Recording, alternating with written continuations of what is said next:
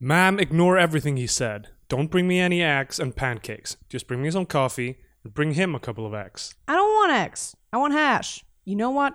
Put a couple of eggs on it and give him some rye toast too. No rye toast for me. I don't like rye toast. And a pancake. No pancakes. A silver dollar one. No pancakes, no silver dollars, no rye toast. I like pumpernickel. Í Bíotvíu dagsins er fyrsti hluti Baltasar februar þar sem við tökum fyrir kvikmyndars frá 2013 Two Guns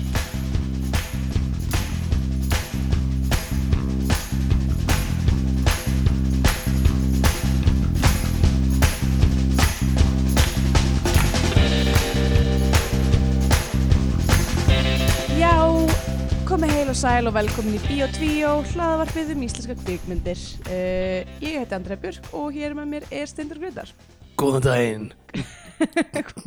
Verið velkomin í Baltasar februar.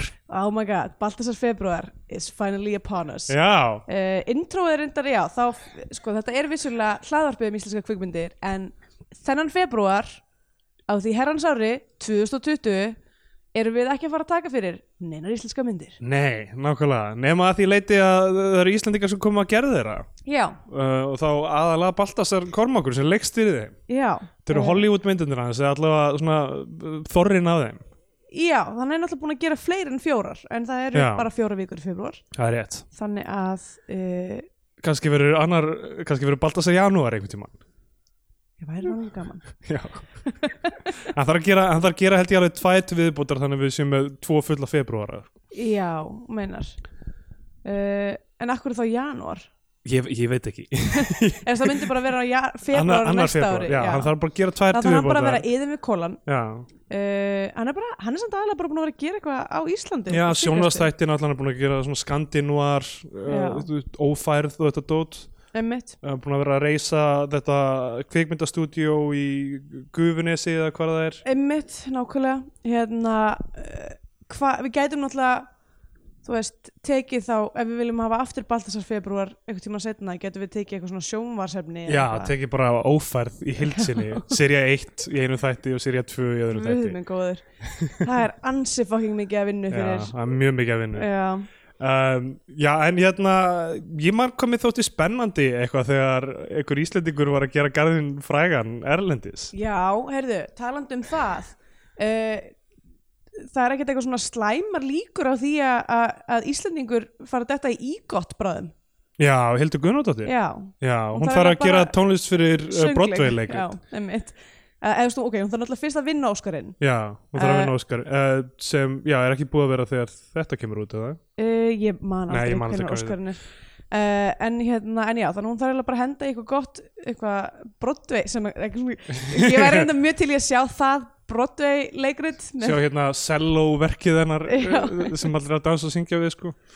Um, já, það er rétt, sko. Um, þetta, Óskarinn er uh, 9. februar, þannig að hann, já, hann verður eftir þátt nummer 2 að þessu, held ég. mm, ok, það verður gaman að sjá hvort hún verður komið með ego á þenn Ja, tímpúndi fyrir, fyrir þátt nummer 2, já. mm En já, það, hérna, það er alveg magnað sko. Mhm. um, Við höfum áður talað um svona Íslandingana í, í, sem, sem gerðu garðin frægan í Mhm. Hollywood. Þú veist, það er náttúrulega hérna, hann Gunnar Hansson Nei, hvað heitir hann ekki? Gunnar Hansen nei, Gunnar Hansen, Hansson. Texas Chainsaw Massacre. Emmett, Leatherface. Um, Hérna, nú er hérna uh, Já, þessu Já, uh, Leather- Leatherface í Texas Chainsaw.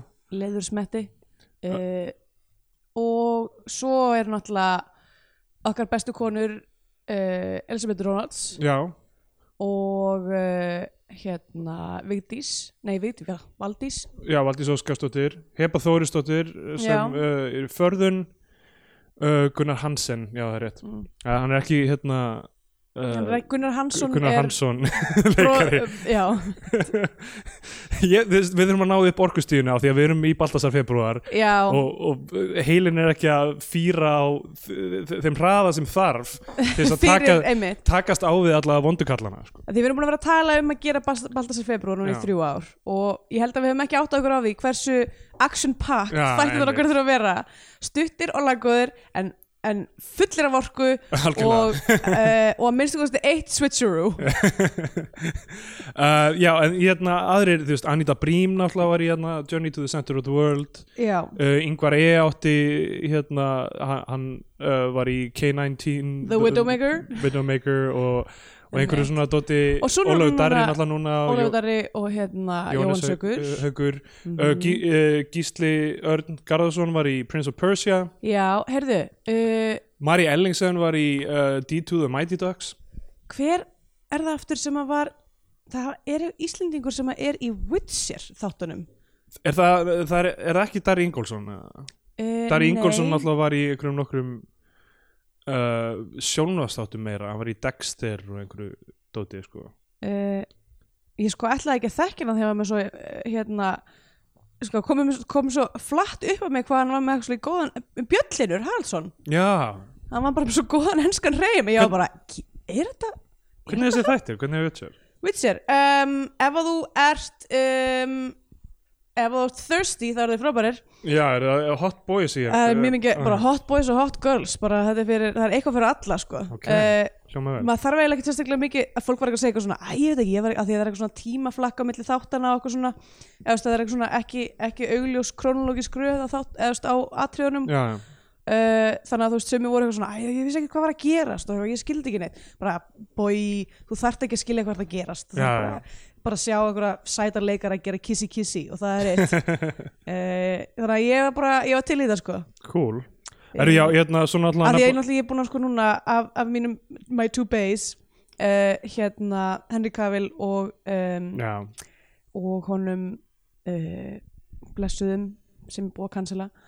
Mm, sem er í The Witcher? Eh, nei, nei, nei, sem, nei hérna, uh, sem voru saman í hérna, Hvað, Army Hammer? já Æ, hva- já, út af þessu Sáta Arabíu festivalin Já. já.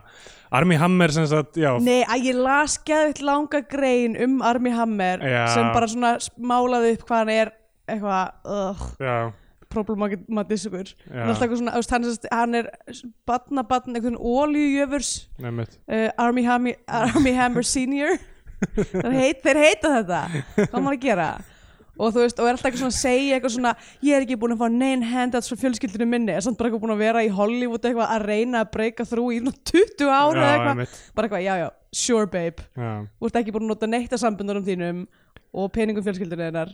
Hann, uh, hann, ég, þú veist, ég- hann, ég, ég fíla hann alltaf þegar hann er á skjánum, sko, en, já, já, já, uh, já, hérna, þeir voru í Man, Man from Uncle, já, sem er mjög skemmtileg mynd, fannst mér. emmitt Guy Ritchie mynd, einmitt, og mjög leiðilegt að því hún einmitt var uh, consideruð flop já, á sínum tíma.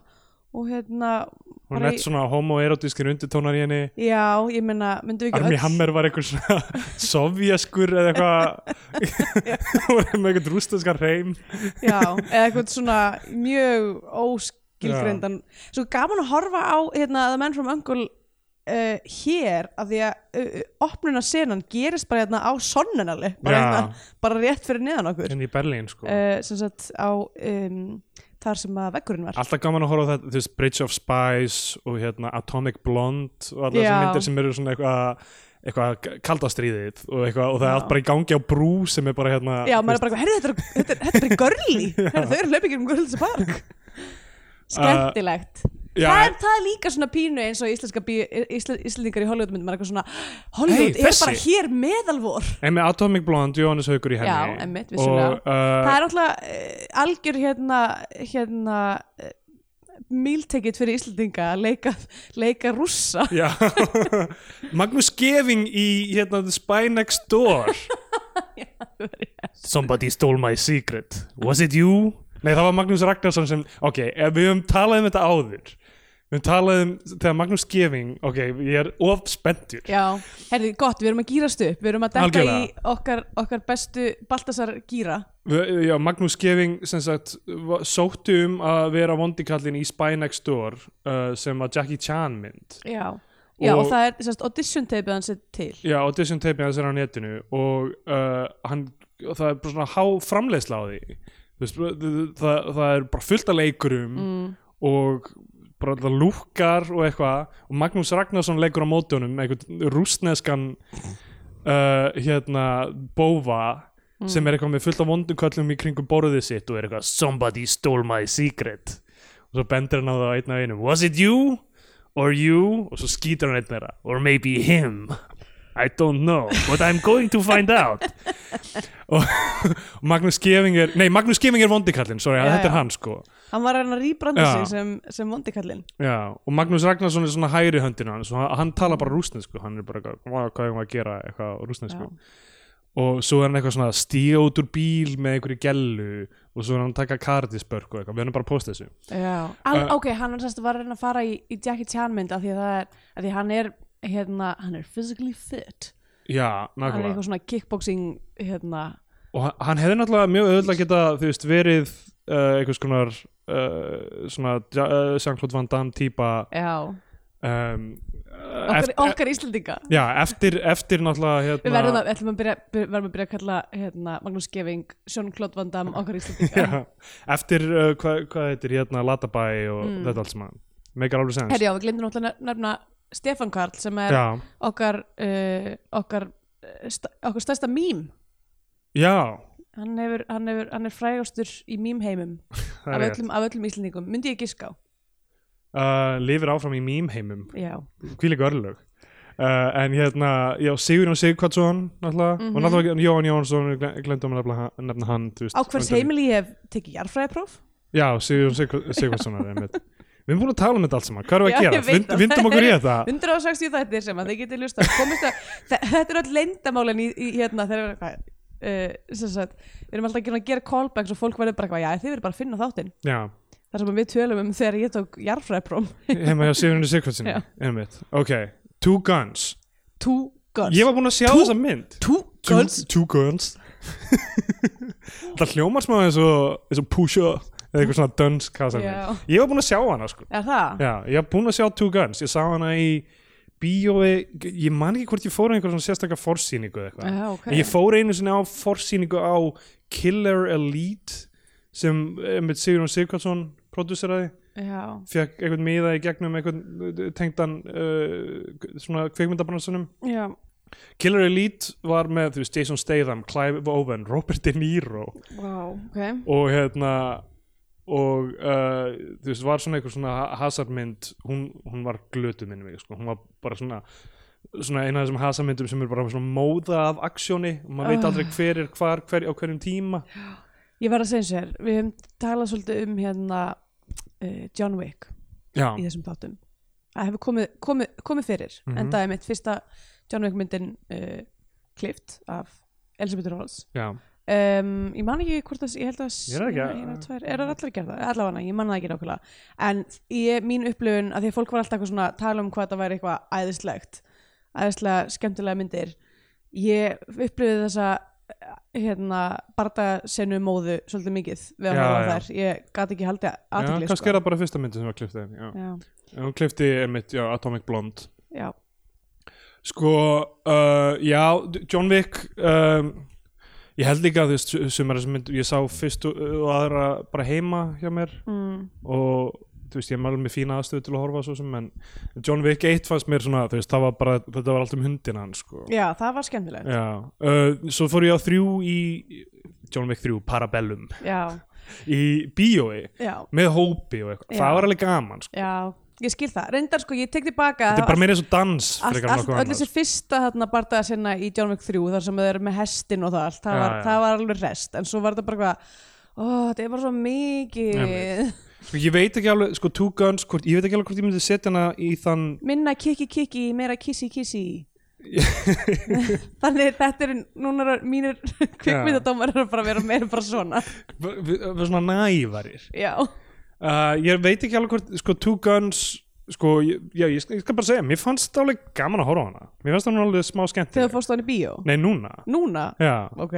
Mér, þú veist, mér leittist ekki að horfa hana, þú veist, hún er mjög uh, lítið frumleg.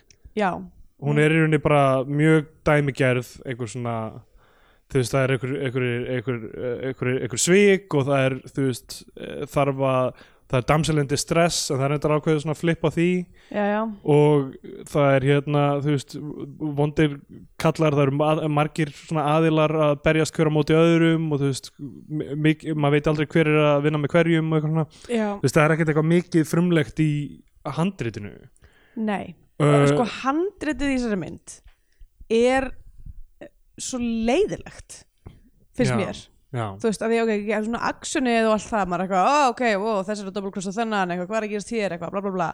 En bara hvernig er tala já, já. er bara eins og þessi að lesa eitthvað um flyers eða eitthvað, þetta er bara svo klísu það er eins og, það er eins og sko díalógurinn hafi tekið svona fjórar myndu tops og það er einhverju tveir gæjar sem að skrifa þetta handrit já.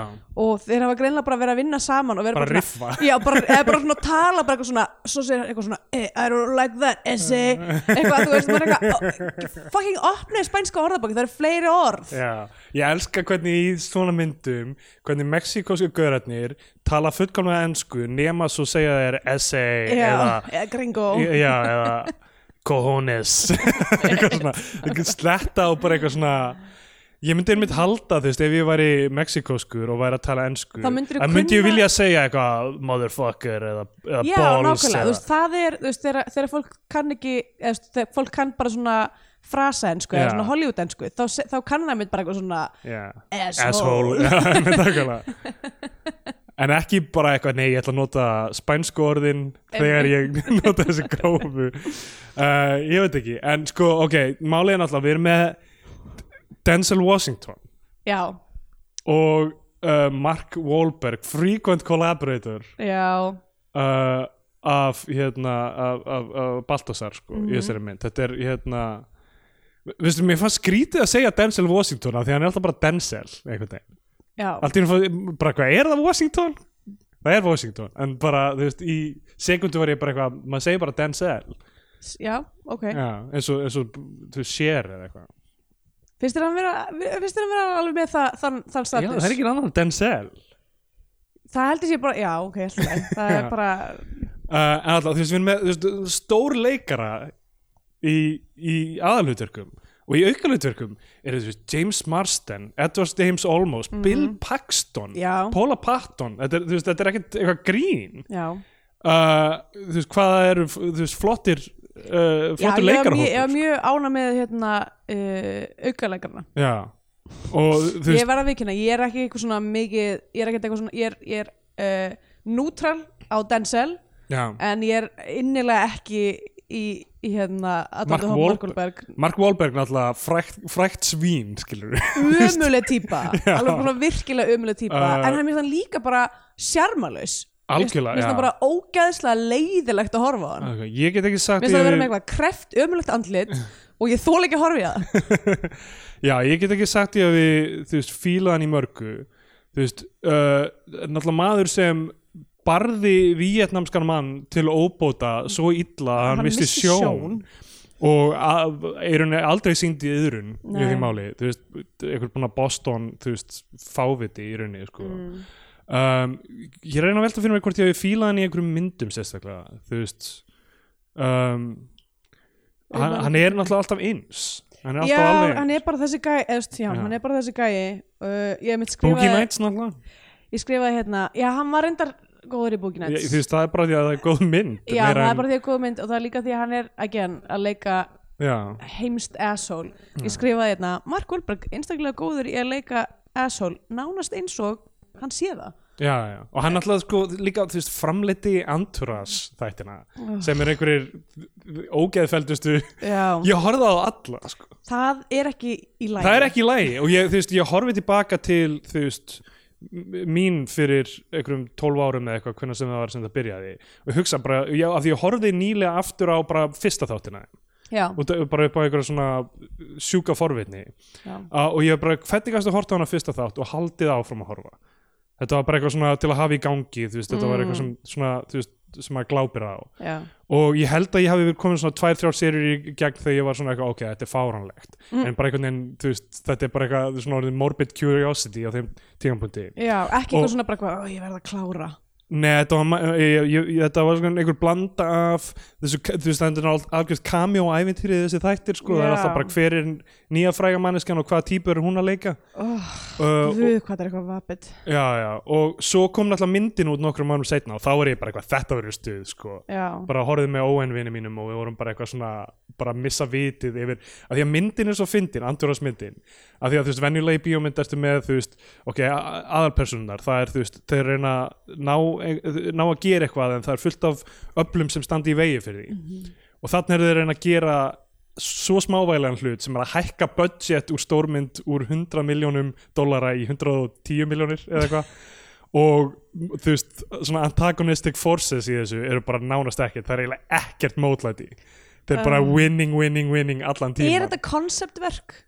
Þú veist, ef þetta hefði eitthvað svona, svona einhvern, eitthvað svona self-awareness þá, þá væri þetta það sko. Já. þetta er nánast svona Paul Ver Verhoeven dæmi, sko, þetta er nánast Starship Troopers. Já, í bara hvað þetta er bilað sko.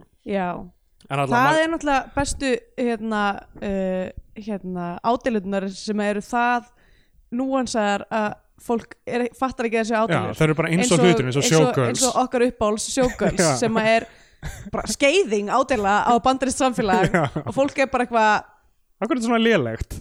Tiddies Já. fólk komið til bíó og segja bara Titties tiddies eh, Hvernig var myndir? Eh, tiddies en þess að ef að hérna eh, Það eru titties, ef að þið vit, vitið ekki af því að þá getið þið farið á Google Translate og skrifað titties uh, eins og það, eins og það stafað eins og það heyrir það. Já. Titties og hérna og þýtti var á frönsku og þá fáið þið titties farið að Já. prófið þetta heima í okkur Já, einmitt og já, ef þið, ef þið þýða síðan yfir á grísku þá fáið þið ádeila.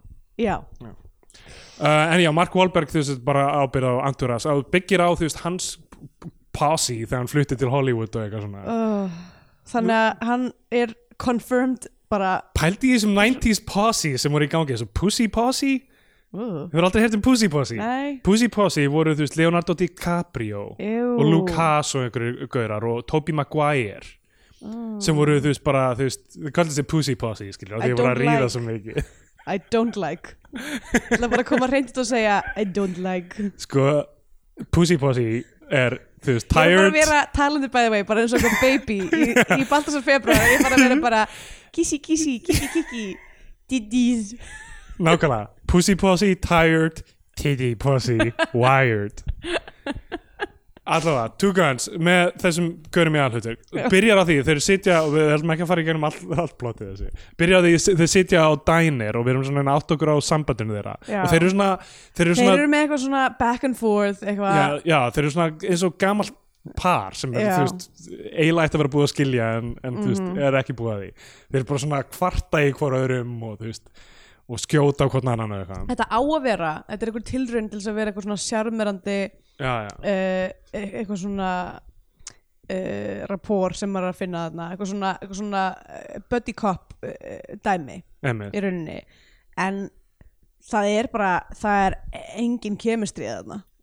Nei, að það finnst mér mér, ekki mér minnst sko. den, að þú veist sko, mér, þeir báðir er að gera sinn hlut sko, allavega, en það er engin hlýja allavega, það er engin Já. hlýja. Þetta er svona, þetta er þetta svona kallmennsku dæmi af svona einhver svona gagkvæm virðing fyrir, þú veist, þeir eru báðir svo góðir í því sem er að gera sem, þú veist uh, bang bang, já, búm búm gaurar, við að, hérna, að, að, að þú veist, þeir eru bara ok, þú getur skotið sem Mark Wahlberg gerir, skýtur hausinn af fjórum einhverjum hönum eða kjúklingum Já. eða eitthvað.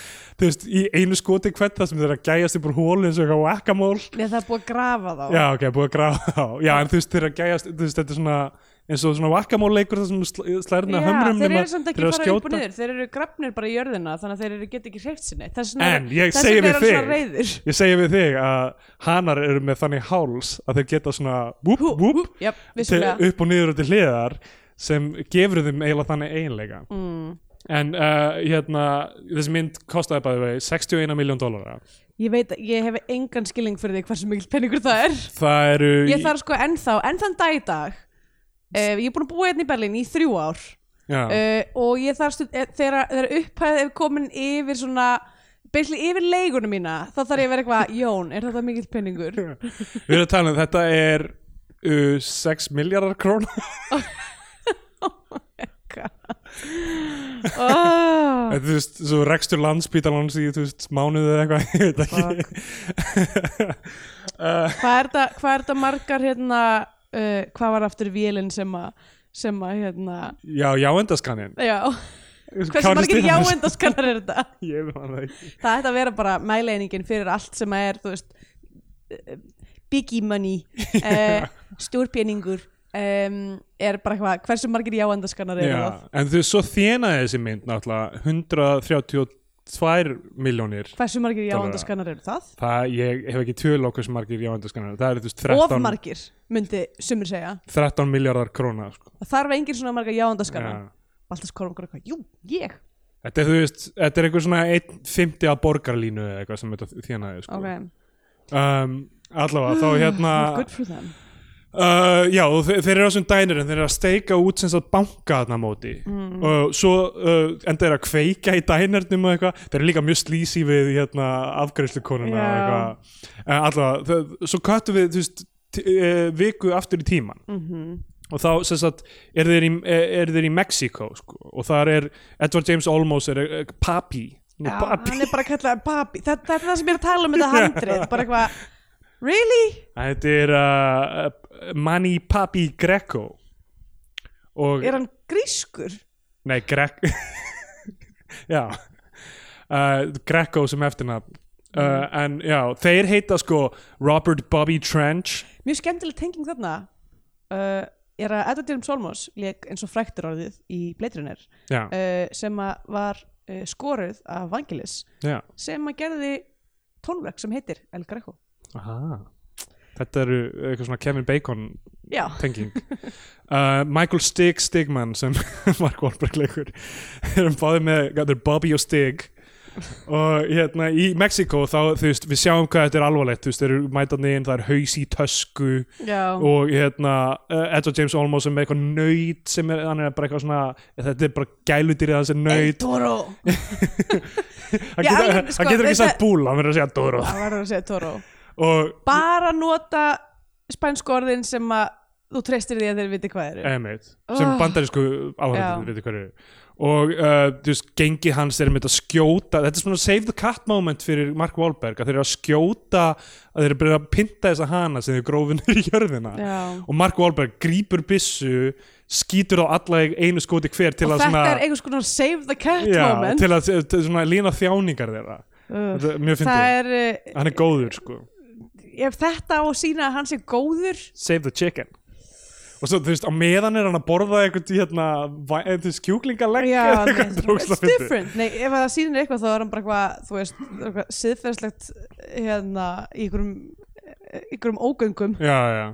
Um, og hérna uh, og uh, svo þú veist, málið er að þeir eru að reyna að skipta uh, pössum fyrir kókain sem þeir eru að koma aftur inn í bandaríkin og þeir eru báðir einhver svona málaliðar í rauninni sem eru bara að þessu sko.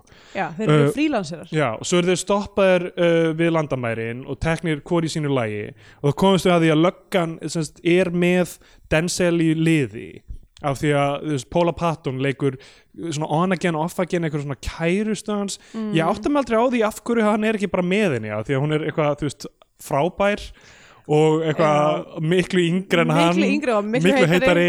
og það virðist vera geðgóð tenging en hún er alltaf bara eitthvað, af hverju erum við ekki almennilega saman? Hún er eitthvað, af "Æ, því, þú hann veist er, hvernig þið af því hann er búin að vera hérna, deep undercover Já, það er ekki eina ástæð, þetta er búið að vera í gangi eitthvað mjög lengi og Mm. þú veist, mín tilfinning var að þú veist, hann bara eitthvað svona, er, vill ekki komitta og það er eiginlega svona stóra, held ég þeir eru mismætti í að þú veist, uh, Mark Wahlberg sem við komumst að er úr hernum. Mm. hann hann er úr sjóher, Nei- Navy, sem sagt, já og hann treystir fólki, að veist, hann treystir þeim sem hann er að berjast með, Já. svona family sko. Mhm. það er bara, ef, maður, ef við erum með saman í the trenches, þá er bara deyju við hver fyrir annan Já. Denzel hefur ekki það lengur hann er vinna fyrir DEA sem er eitthulega hérna, drug, ja, drug Enforcement Agency og hann neyða fólk til þess að dopa já, I'm gonna enforce that you do these drugs og hann, hann þú veist, hann er búin að sjá svo ljóta hluti líklega í Mexiko og landamærunum eitthvað hann hæ, hættur að treysta fólki hann. Já. hugsa bara um sjálfa sig og þess vegna getur hann ekki verið í sambandi líklega mm.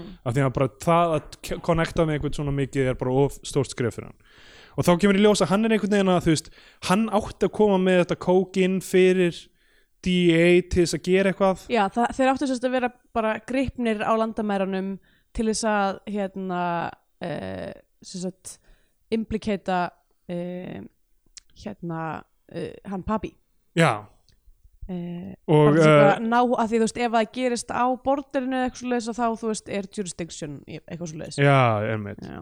en síðan komið þeir ekki með kókið af því að það var eitthvað, þú veist, það var ekki til eða eitthvað, ég veit ekki. Já, papi var bara eitthvað, nei sko það sem að var búið að gerast er að uh, hérna gæinn sem að þeir voru að reyna að flippa Já. sem að var hann endaði sem haus í hérna, tösku. sem að hétt eitthvað, hann hétt eitthvað Pepito Toro eitthvað, eitthvað svona litla, litla naut eða eitthvað um, og eh, og eh, greinilega hefur Edward James Olm- Olmos komist af því að hann væri, það var verið að að púsa hann til að flippa.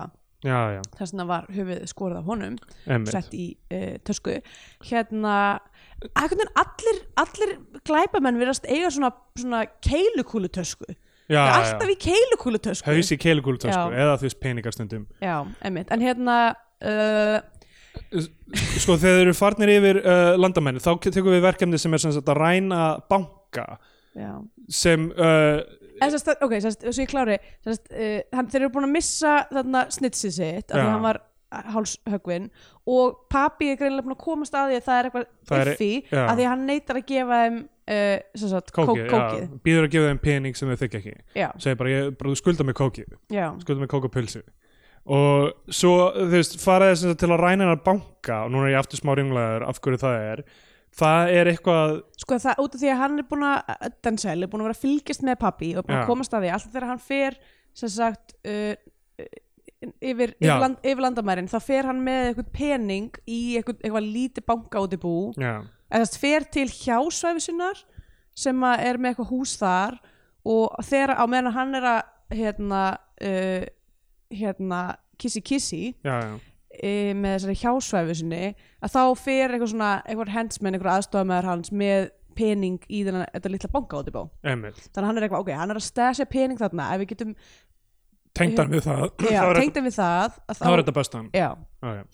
um, en það sem kemur í ljós er að uh, ok, ég er kannski að fara fram á mér en það sem- á, ástæði fyrir að um, síðan uh, Mark Wahlberg tekur þátt í þessu sem við komumst að því að er í uh, sjóhernum hann er uh, yfirmaður hans er James Marsden. Mm, sem er ógslag skrítið þetta James Marsden er í, miklu yngri heldur en Mark Wahlberg og Já, en málið, Mark Wahlberg er náttúrulega sko, hann uh, var tengdur við eitthvað vafasamt mál og er á einhver svona probation ah, ok, ég skildi ekkert Já. af þessu hérna, Navy þessu- dóti. Navy, Já, ég já, held að að ma- þið voru bara eitthvað, eitthvað they got my jacket og ég eitthvað, ha, hvað jakka Já, já, þú veist, hann má ekki lengur vera í sjóhörnum í einhver tíma Mm. og James Marsden er á meðan að nota hann uh, til þess að ræna þessum pening Mm. sem uh, Navy veita er hann og hann veit ekki alveg nákvæmlega af hverju, ég man ekki af hverju hann heldur að það sé en hann, hann heldur að það tengist einhverju einhverju mikilvægu sjóhersmáli. Hann, ekki, hann veit ekki alveg að það er verið að spila með sig. Já. uh, og hérna þeir fara hann inn þeir ræna, spurninga.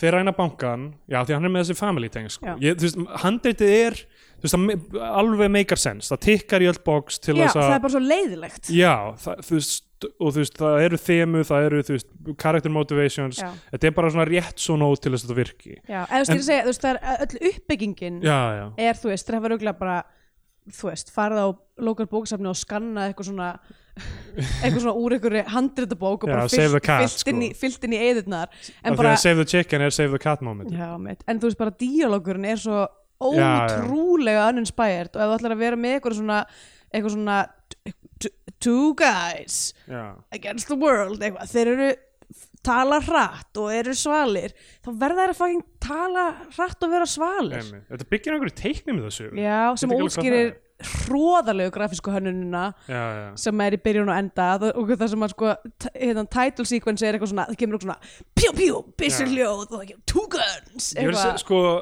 Sko, 2013, það er ekkert svo langt síðan Þetta er mjög hallarslegt fyrir Já. að þetta kemur úr 2013 hallæðisfullan tíma þetta er með hann svona gulbrúna svona hjú sem Greini eitthvað sem hérna s- uh, svona þessar Texas, Ari- Arizona hérna, New Mexico myndir eru með sko, þú veist, sem að gerast á landamærunum eitthvað Mhm. um, uh, en sko já, varandi það aðal vandamáli með, með, með þessa mynd sem, það sem heldur henni frá því að verða þú veist, bara virkilega góð popcornsræma finnst mér, Mm. er það að það er ekki set piece-in eru svo veik sko. Þú veist, ég myndi segja svona hasarmynd það átti að vera með svona 2-3 allavega set piece það sem er bara svona bílað bankarán, það sem þú ert bara á nálunum eða Já, eitthvað, eða þú veist bílu loka sinna sem þú bara allt er í húfi og bara allt er að fara að hrinja og bara, Já. þú veist Þetta er bara ekki nógu cinematic Já, bara visu, visually Já. og þú veist, að einhverju leiti líka handriti bara því að byggingin þú veist, eins og þetta bankarán sem er þarna Já. rosa bara eitthvað ómerkilegt, þú veist, þetta bara Já. virk gengur upp hjá þeim, það er eitthvað moment þar sem Denzel fær sitt save the cat moment með því að hugga eitthvað bann Já, og þú veist, þannig að þú veist, þeir eru ekki alvondir og eitthvað svona, þeir bara ræna hennar banka og það er ekkit eitthvað, já. það er ekkit intrík eða spenna, geðvitt flottar sílikongrímur já. Já, það er nánast svo, þú veist, annar er Frankenstein og hinn er eitthvað svona trúður. Já, emmitt, og þeir eru, sko, grímyndar eru svona kontúrar við andlit, þannig að maður sér ekki andlitsreifingar í gegnum grí, grímuna. Ég er bara eitthvað, hver var að splæsa í geggjaða grímur? Nákvæmlega, þetta er eitthvað svona Mission Impossible grímur. Svo er sko annað með þetta handrit er að það er ekkert verið að spara exposition Nei, nei, Línur, það er bara bara- út sko. það er bara, þú veist, svona, ég, ég taldi svona fimm samtöl sem var bara eitthvað svona þetta er það sem er búið að vera að gerast og þetta er það sem er að fara að gerast. Já, eitthvað, uh, um, bara sko, subtext I don't know her. Sko, svo fara þeir með allan peningi þeir átt að segja að þeir voru búin að ræna miklu meiri peningi en heldu, það er Já. miklu meiri peningur í þessum banka væri bara tvær miljónir í þessum banka. Já, já, þrjár, þrjár miljonir þrjár. en svo er þetta eitthvað svo 40 eða eitthvað, ég man ekki. 47,1 Þetta er bara budget í þessari mynd, er í þessum 47, já, nákvæmlega. Og hérna, og þeir eru út í uh, eðmörkinu og eitthvað að díla við þetta. Báðir tilbúinir að svíkja hvern annan og Mark Wahlberg er undan, þú veist hérna, Denzel er með, með þú veist, police badges sitt bara í hendinni þegar. Mark Wahlberg skýtur ha- í, hérna, öxlina og bara skilur hann eftir til að deyja. Mexican stand-up og já, og er bara eitthvað, hei, þú ert það, það er nefnilega kemur Mexican stand-up setna, þetta er ekki eiginlega það af því að hann bara skýtur hann strax. Já, en hérna, uh, já, skýtur hann í öxlina og er bara, ó, þú ert lögga, fuck eitthvað, keiri burt, skilur hann eftir til að deyja basically í, eðmerkinni eyðimörkinni, já. Denzel er síðan að ræna eitthvað svona border patrol gauðra, einhverju gauðra einhverju sem eru, sem eru svona militia típur Já. sem eru með sitt eigið sem er eitthvað, við erum unofficially official eitthvað mér finnst þetta eða dálítið svona fyndið svona, sjáu hvað þeir eru lúðalegir Já. sem, halda þeir sig að vernda þeir eru eitthvað svona dune buggy um, og e, já, ok sest, þessi mynd sko ég, ég er að veltaði fyrir mér hvað hefði gerst í pitch, off-pitch fundunum hversum oft orðið switcheroo hafa verið sagt. Já, uh, og ég er, ég er, full, ég, ég er stið. The old switcheroo, the new switcheroo. Ég myndi segja að þetta er allt saman old switcheroo af því að það er ekki frumlegt nei það er ekki switcheroo neitt veist, Ég er að býja eftir, að eftir New Switcheroo, hvað er það? Já, nákvæmlega, við- við erum Sprengja tánum. að vilja vita hvað hvenar the new switcheroo dettur inn af því að, let's face it, the old switcheroo getting pretty old. Uh, en hérna, þarna kemur mómentið sem ég er bara eitthvað, ok, ok nú, þú veist, núna ertu að draga minni þessa mynd, það er þegar Bill Paxton byrtist ah, já, Bill Paxton er svo over the top eitthvað svona Wondergat vondur textaskur, við vitum ekki hver gangi með hana því hann mætir bara eitthvað öllum peningunum mínum var stólið ba- okkar, pening, Já. allir bara hver ertu, af hverju um? Þú veist, hver, af hverju áttu þú svona mikið pening, hver ertu fyrir hvað stendur og eitthvað? Og hann, og er hann er svona, svona alveg svona, er eitthvað hvítum þrípís jakkafötum ja, svona með Texas gaur sko. með einhvern havanahatt uh, og einhvern fáránlega einhvern svona Saturn Raw. Já, og sko hérna uh, sí- síðan fer um, Mark Wahlberg til yfirmann að sinna hjá Navyinu og þeir eru bara, þú ættir að drepa Denzel hvað þetta gera, þú skildir eftir lausan enda. Já, og svo uh, basically, þú veist, eru þeir að fara þeir eru að fara að drepa held ég Mark Wahlberg. Þegar hann er að sting, stinga undan drepa eða skjóta þá einn og einum og síðan flýja á bílnum, henda liklunum á bílnum þeirra og kera en hann skýtur það ekki? Það er rétt, já, hann skýtur Það- í við eirað á einum þeirra. Já, og hann, hann meikar ekki drepa félaga sína. Já. Það, það er hans þing en hann tekur heyrnin á einum þeirra með að skjóta, skjóta bara við eiraðum en hann er að kera burt og hann já, sparkar í pungin á einum eða kýlir í pungin á einum mm. uh, Denzel mætir í bæinn og fer til Patrick Fischler. Hefði þetta verið fullkomið moment til þess að pistolvipa pistolvipa pungin frekar heldur en bara, þú veist, kýla, kílan Það er virkelig fyndnara. Að pistol við bara pung að bara því það að ekki bara hljóma að segja það. Pi- Bara eitthvað- já, það er náttúrulega pistol with my cojones Já, sko. Þú veist, það er, það er vantar Þú veist, ok, ég, ég hérna algjörlega ótengt uh, þessu sjannra en ég fór á Jojo Rabbit um daginn já, og það var bara svo gaman að sjá þú veist, það er svo gaman að láta koma svona óvart. Já, að þú veist, að ég var látað að sé þú veist, bara svona frekar basic mynd þannig sé. Já ég er að fara hann í kvöld ok, þannig að- eða er ekki, ég er ekki að segja basic hún er mjög skemmtileg uh, þá er bara, þú veist hún hefur svona surprising element, maður er að sjá hluti sem maður hefur ekki séð já, já. Og það er bara svo ógeðslega gaman. Algjörlega, mér, mér finnst í rauninni alltaf styrlu pæling þegar manneski er komin með peninga til að gera bíómynd Mm. og er, þú veist, leikstjóri eða hvað það er eða framlegandi Mhm. og hugsa bara eitthvað, nei, ég ætla ekki að taka einhverja styrlað áhættu.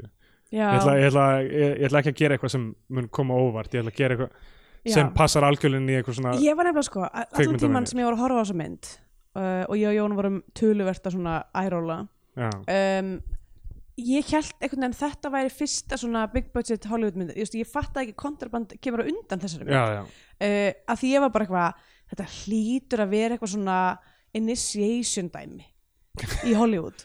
Bara hvað þú veist, þú ferð ef þú ferð einhverja, ákveðna leið inn í Hollywood já, já.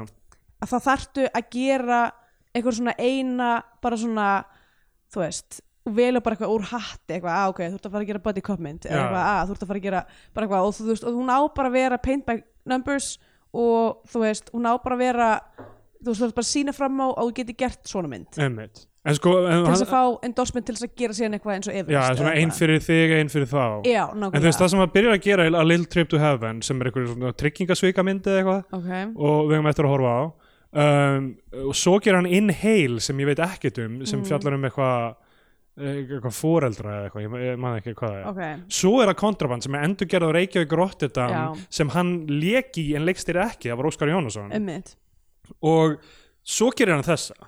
Og svo er það Everest og svo Adrift. Mm uh, og svo er hann að gera eitthvað sem heitir The Good Spy núna sem ég veit ekki hvað það er. Uh, með Hugh Jackman í allutur ekki samkvæmt MDB ok uh, en þú veist þannig að hann byrjar hérna eitthvað svona meira indie svona já, dóti emmitt, þannig að þetta, þetta, þessi og leiðir upp í þetta og svo Everest sem er eitthvað svona stór já, risabudget eitthvað svona styrlun sko Einmitt. Þannig, að þessi, þannig að þessi kenning mín er, eh, Nei. heldur ekki vatni sko. þetta er það, ég veit ekki hvort þetta, þetta er það sem hann langar mest að gera þú veist, ok, reyndar sko miðað við og við höfum nú talað um bara nánast allan katalógin hans, ef ekki allan. Uh, á ísla, íslenska, Já, íslenska við- þar að segja. ég heldur hann klára allar er veist, það sem við höfum oft yfirleitt komst þeirri niðurstöðu bara, þú veist, þetta er hann vill bara gera entertainment, hann vill ekki gera list.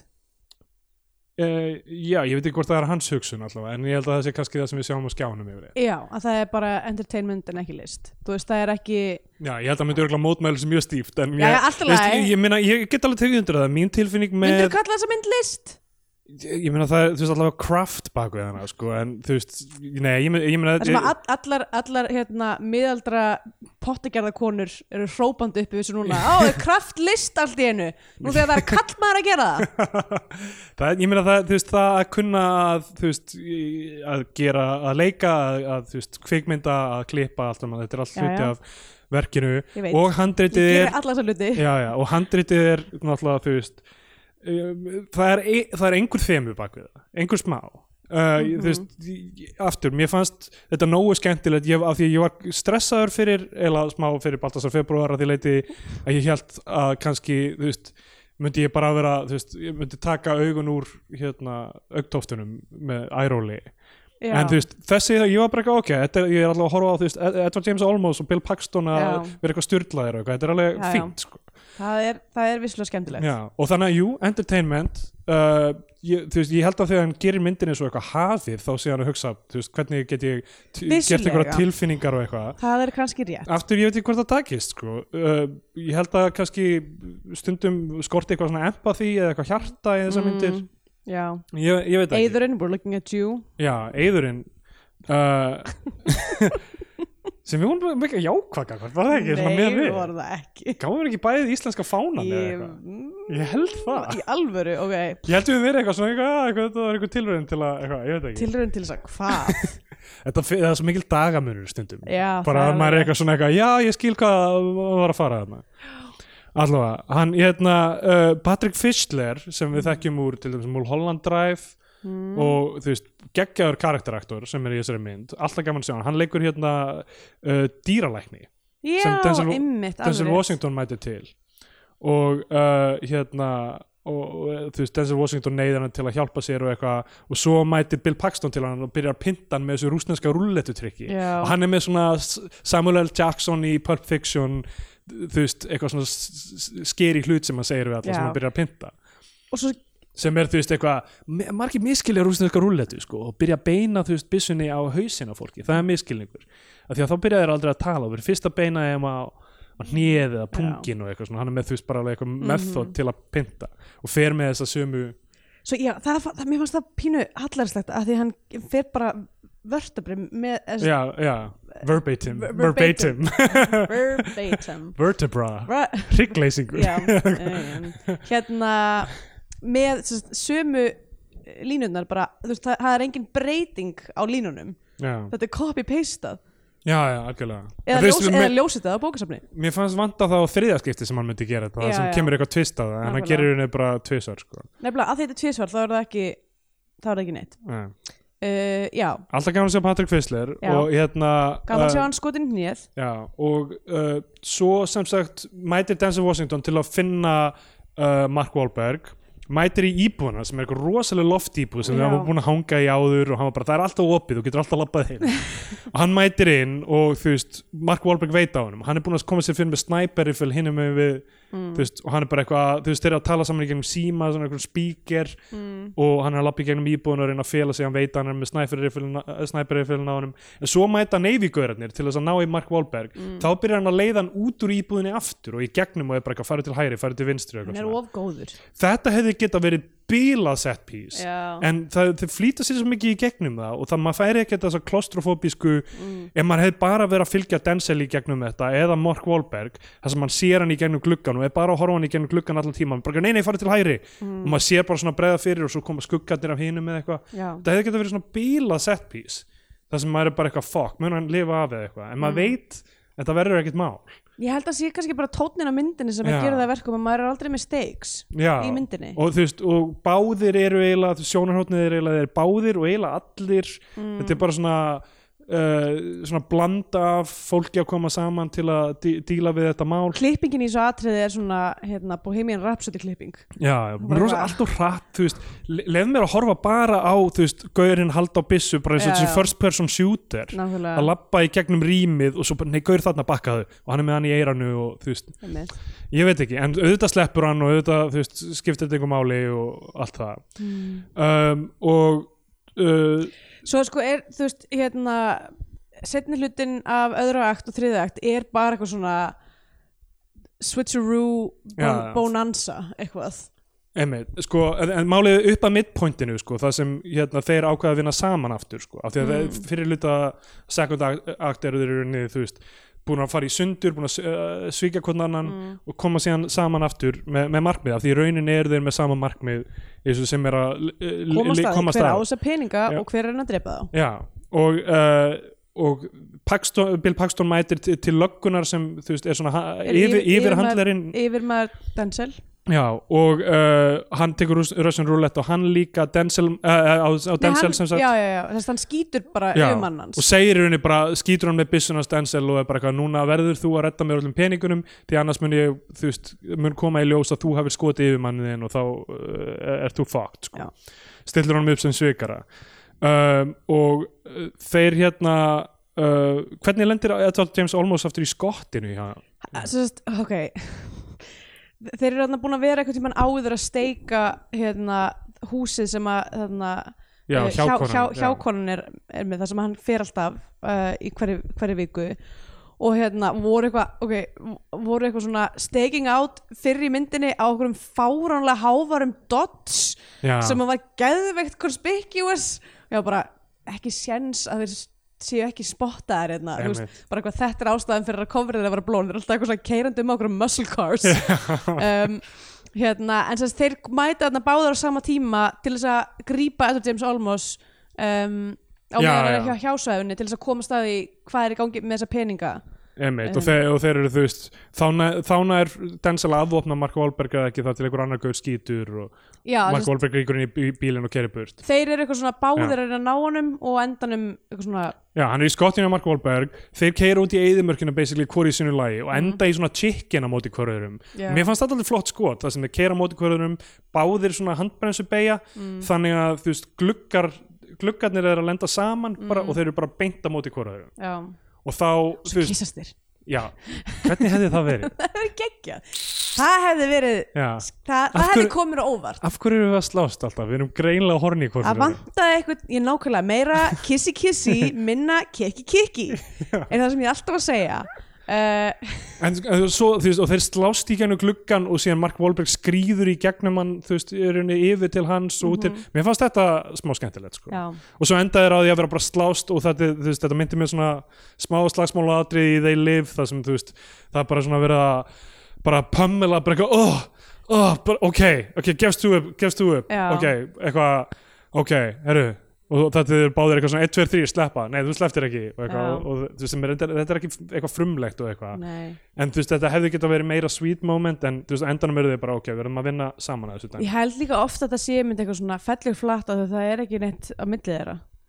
Þeir eru ekki, þeir eru engir hérna, Henry Cavill og, og Armie Hammer uh, þar sem maður er eitthvað svona, er þeir að fara að kissast? já, þeir eru alltaf við að fara að kissast í Man from Uncle. Góð mynd um, mér finnst þeir ákveð, ákveð að vinna saman þeir opna skottið og papi er all- allir fucked up þar búin að guppa á sig Mark Wahlberg prumpar í lófuna á sér og réttir eitthvað svona hvað ætla að lokaði inni með prumpinu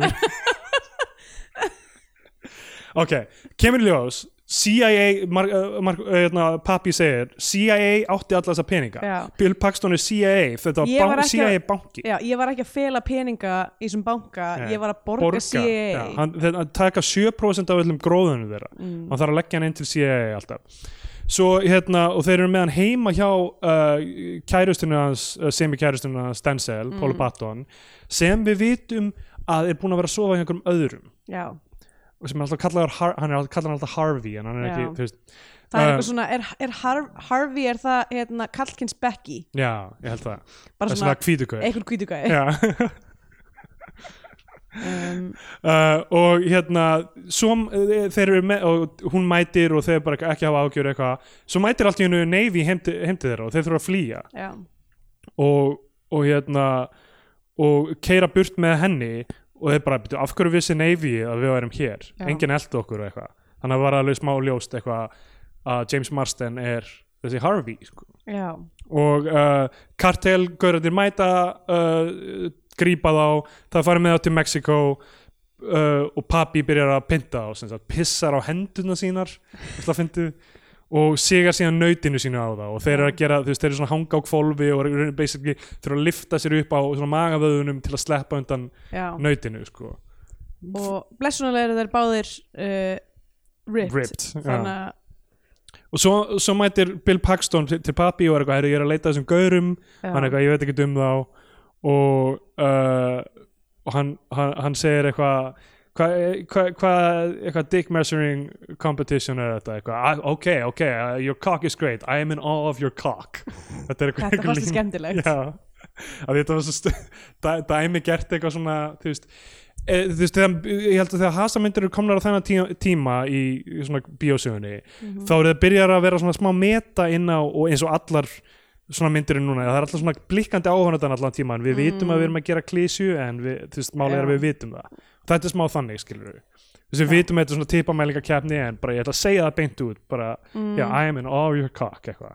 og þetta er einhver vesta þróun sem ég veit um. Já, þetta er Í- ekki þú veist, allar myndir þurfa þetta afsakar ekki neitt. Barnamyndir eru svona, allar, veist, allir barnakarakternir þú veist, í hafa samt verið svona í mörg eh, sko, þú veist, Disneymyndir fyrir 20 árum tíman og pumpa voru ekkert að blikka áhörvandan þeir voru bara þess að þeir voru Já, nei, ég meina þeir, sko, Disneymyndir eru hannaðar þannig að það eru alltaf brandara fyrir fullunda fólki líka. Já, en það er ekki það sem ég er að segja, sko. Það er annar hlutur, sko. Ah, ég, er, ég er að segja, þú veist, það sem það er svona eitthvað, eitthvað, ég- ó, wow, en hvað þetta er klika sem ég er að gera, segðu hvað ég er random, segðu hvað er, hvað ég er kaldaðinn, ó, ég er að gera klísur kendan hlut og málið er að ég veit það og þess vegna er, þú veist, allir að gera svona mugging svip einhvern veginn sem Mm. sýnir það, skilur það sem þú ert að gera svona einhvern veginn tilfinningulega invested í því sem er í gangi Já, já.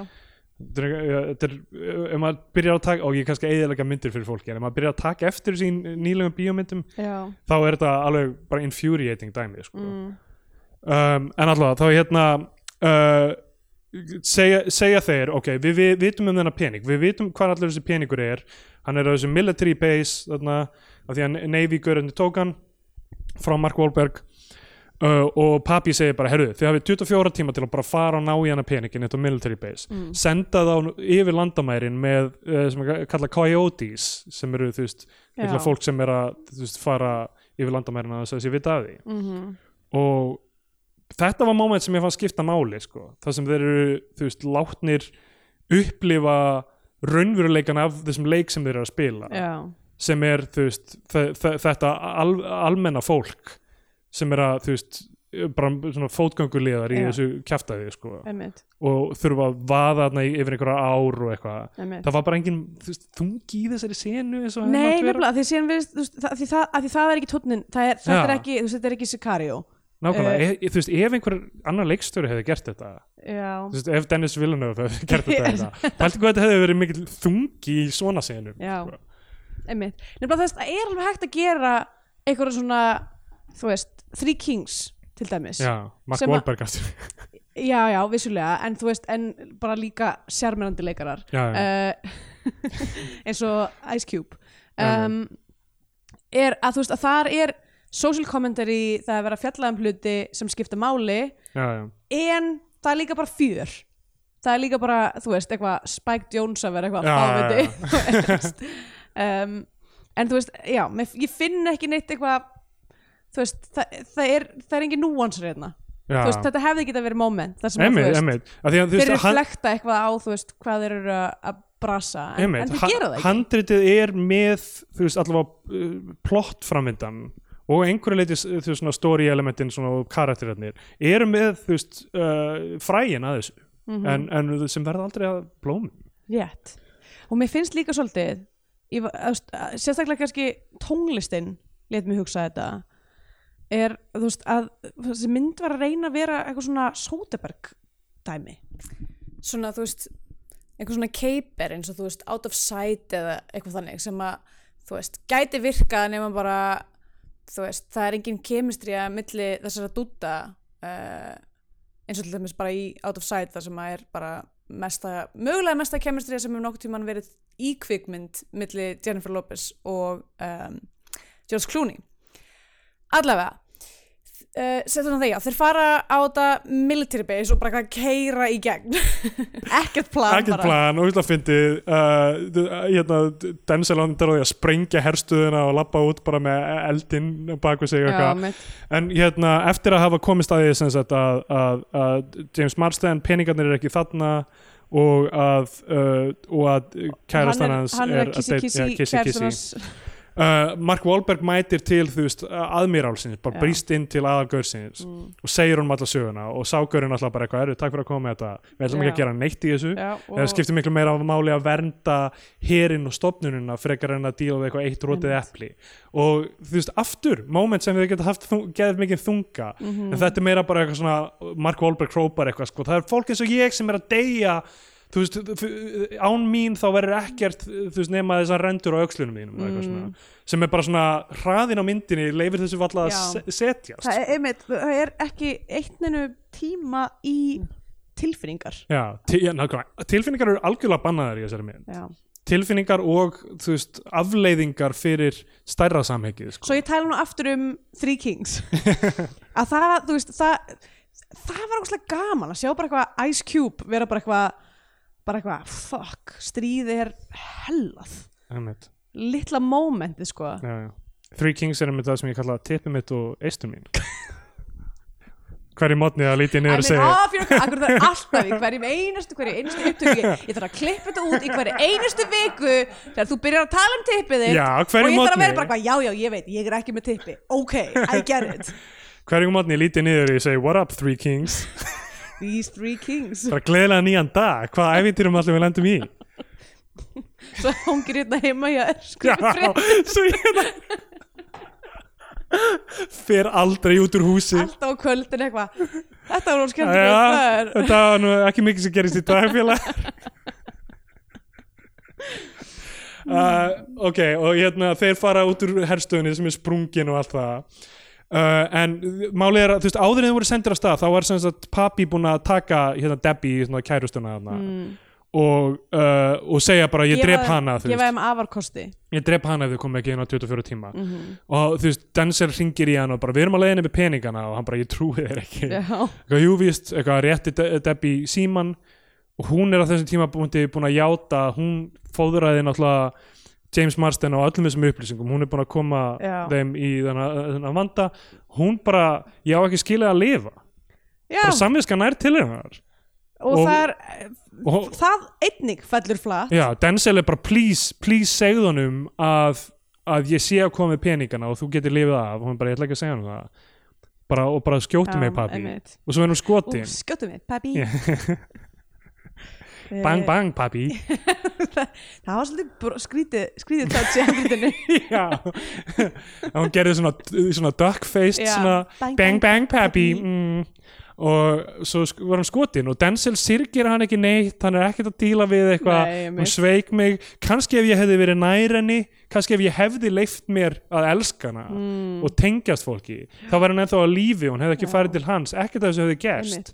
Sko, mér finnst líka, það- finnst líka pínu pyrrandi með James Marsden og hana þeirra dæmi að það, við fáum enga útskýring á því af hverju þau eru þú veist, af hverju þurfa þau hva, þú veist, 46 miljónir Já. þú veist, það er ekki það er e- ekkert, Það er þeim er að- ekkert gefið Er það ekki að því að Na- Navy er eitthvað þú veist, ætlaði hann bara að eiga hana pening Já. hann ætlaði bara að eiga hana þau pening og ætluðu bara að eiga Já. saman og eitthvað svona, bara Já. elope svo klikkað sko já, að að því að ekki undirbyggt með hennar karakter þú veist, af hverju hún er svona fégráðu og af hverju hún Já. heldur áfram að svo var ég á Denzel Washington ja, það er bara til þess að halda honum heitum í hún er ógeðslega vond þá. Já, og það er ekkit eitthvað og af hverju er hún- er svona vond, af hverju fær hún þá eitthvað svona crisis of conscience og Já. lætur babbi skjóta sig? Uh, en það, sko, svo, þetta er alltaf leiða af veist uh, þessum hápunkti það sem þú veist uh, uh, sem sagt uh, sem allir hlutaðalar mæta. Já, mæta á, saman á, sko. á þennan búkar pappi og það, það við fáum aftur samtal milli, Mark Wahlberg talar um þú veist, kód aftur, skilur, að berjast með með manninu við hliðan á sér og eitthvað Mm. svona. Uh, Denzel Washington fattar allur peningurinn er á hótelherbygginu það sem Paula Patton og James Marsden voru alltaf að hittast eða eitthvað og, og líka hann og hérna hún var bara alltaf að fara með alla á sama Já, hann var bara alltaf að fara að boinka á sama herbyggja eitthvað. Hann, hann bara allur undir dí, í, í dínunni eða eitthvað, hvað er, undir rúminu. Mhm. allar þessar miljónir eru þar. Uh, svo mætir uh, Mark Wahlberg uh, til Papi. Og James Marsden mætir líka og er bara veist, með sitt squad með sér. Mm. og ég skil ekki alveg hvernig þeir lögðu upp þetta plott sitt, hvort þeir voru saman í því ekki eða hvað gerðist Já. hann segir bara basically, herðu, núna verður þið tveir að takast á með peningana, Papi og James Marsden Já. og uh, svo mætir uh, Bill Paxton líka Já. og þetta er orðinu ógeðslega margir og, og hérna og þeir, þeir eru bara svona hver, hver og einn að revíla plottið að þú veist hver fyrir öðrum, Mhm. segja bara þannig er hann og þannig er hinn og eitthvað Mhm. svo kemur Denzel Washington keirandi inn á fucking convertible bíl með Já. bara peningin bara lausan í sko, veist, bara maður sér seðlan og eitthvað. Og hérna er bara eitthvað, herru hérna er ég með alla peningana. Og þetta er eitthvað þessi bíll er í eigu Evdens Olmos. Þetta er eitthvað svona hans, hans price muscle car. Já, og ég man ekkert hvernig þú, hvernig hann komst yfir hann bíl eins og ba það er bara set piece þessi bíl og er ekki, þú veist þetta er bara bíl, já það er ekkert eitthvað meira. Einmitt. En hérna Denzel segir bara, herðu uh, hérna þú fær bara já það er sem sagt eitthvað shoot nei nei, shootoutið að gerast hann segir fyrst bara eitthvað, hérna eru líklarnir hérna er peningurinn uh, réttir uh, nei, nei, ekki líklarnir heldur, hérna er peningurinn mm, og, og labba burt með Mark Wahlberg. Mm.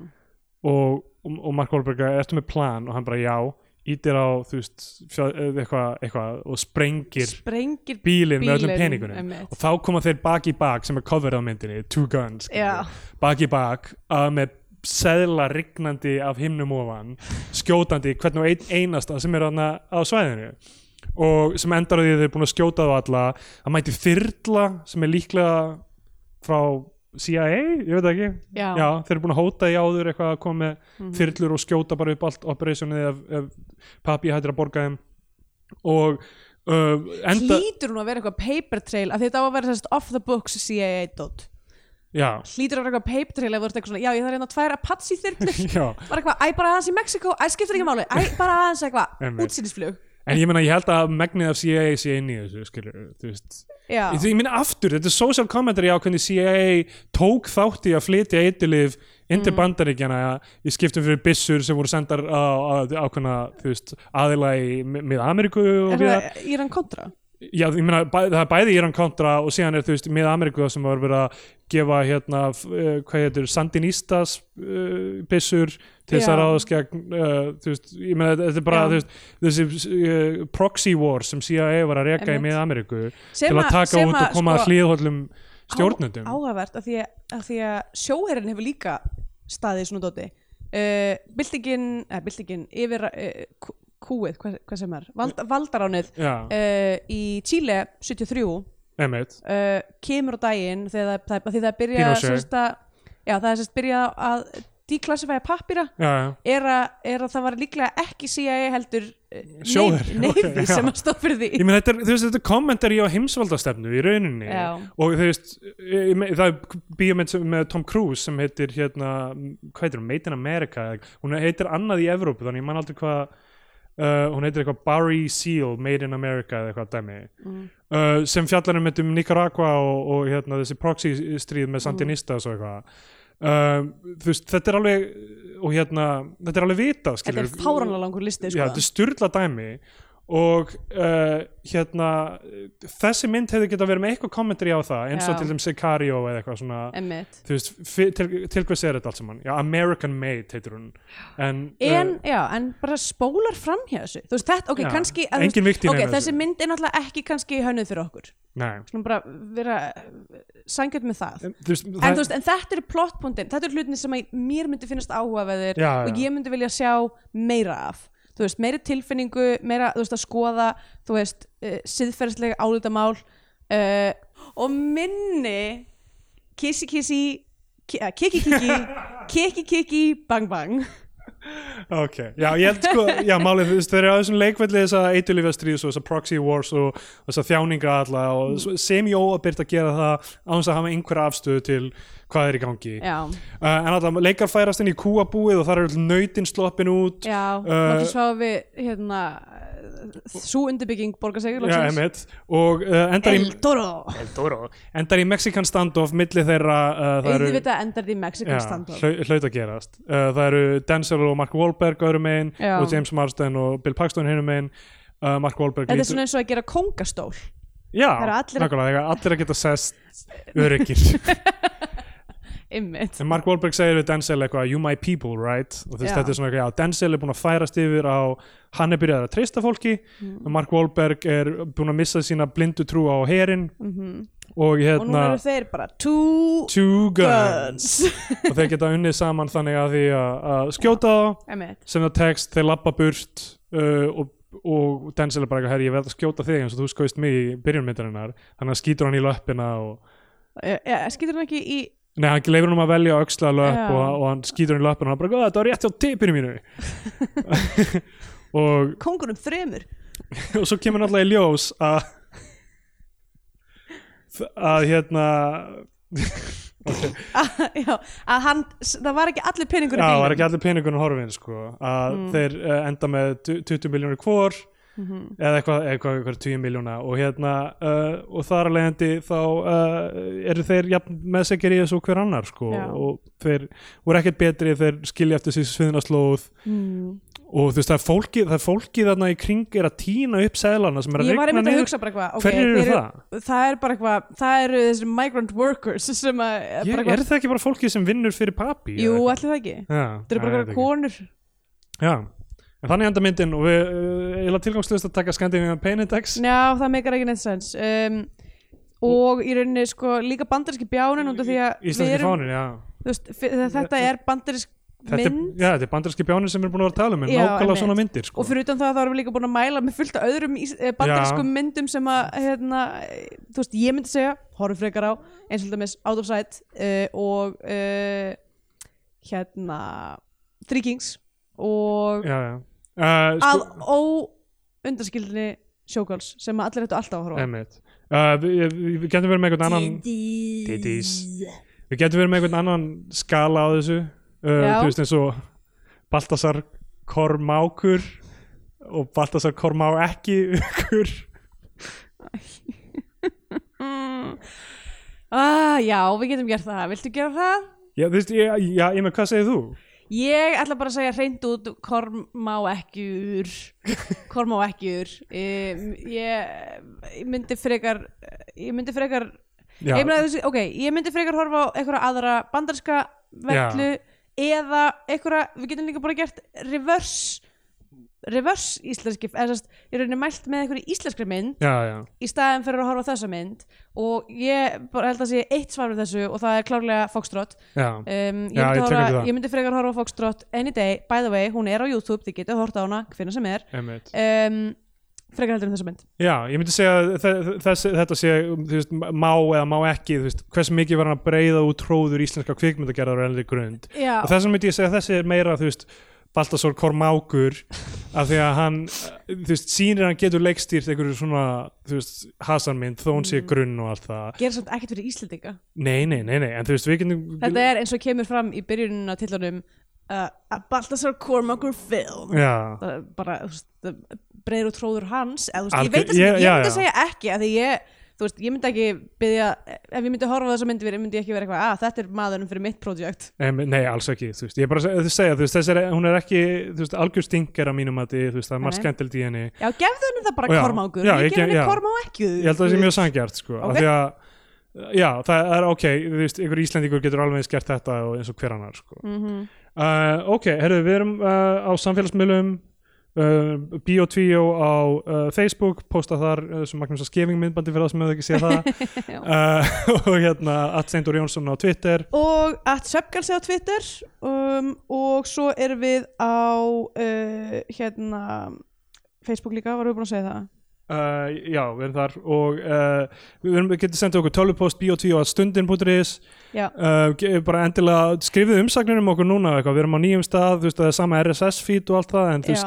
skrifið umsagnir um okkur þannig að stundin nú erum viti við komin á stundina og Já. við þurfum að, sann, við þurfum að sanna starfið mitt líkur við af því að Einmitt. Sögðu þú veist uh, þetta, hlað, þetta síðasta halmstráið þú eru rekin sem blaðamaður þetta hlaðvarp þetta gengur ekki upp. Uh, og þú veist fáir sem vita en stundin er þú veist uh, virðast vera vin- vinir litlamannsins en þeir eru, brú, Hard, þau eru brutal. Þetta er bara svona Hunger Games. Það er mjög Já. hröð starfsmannavelta því að fólk er bara að hverfa. Fólk er að hverfa djúlafullt og það er engin eitt blað sem er að rannsaka það því að það væri stundin sem ætti að rannsaka þessi nákvæmlega. En, en það er engin annar að gera það sko. Þannig að please uh, bjargið lífi, lífi mínu og lifum, limum. Bjargið þessum þremur kongum og uh, ég ætla að segja- þess að við munum skera af þér Three Kings. Oh boy. Þetta floppar. Uh, hérna, ok og uh, já, það, það bara komið aftur í næstu viku fyrir meiri Baltasar febrúar. Nei, óps uh, Og gera rítú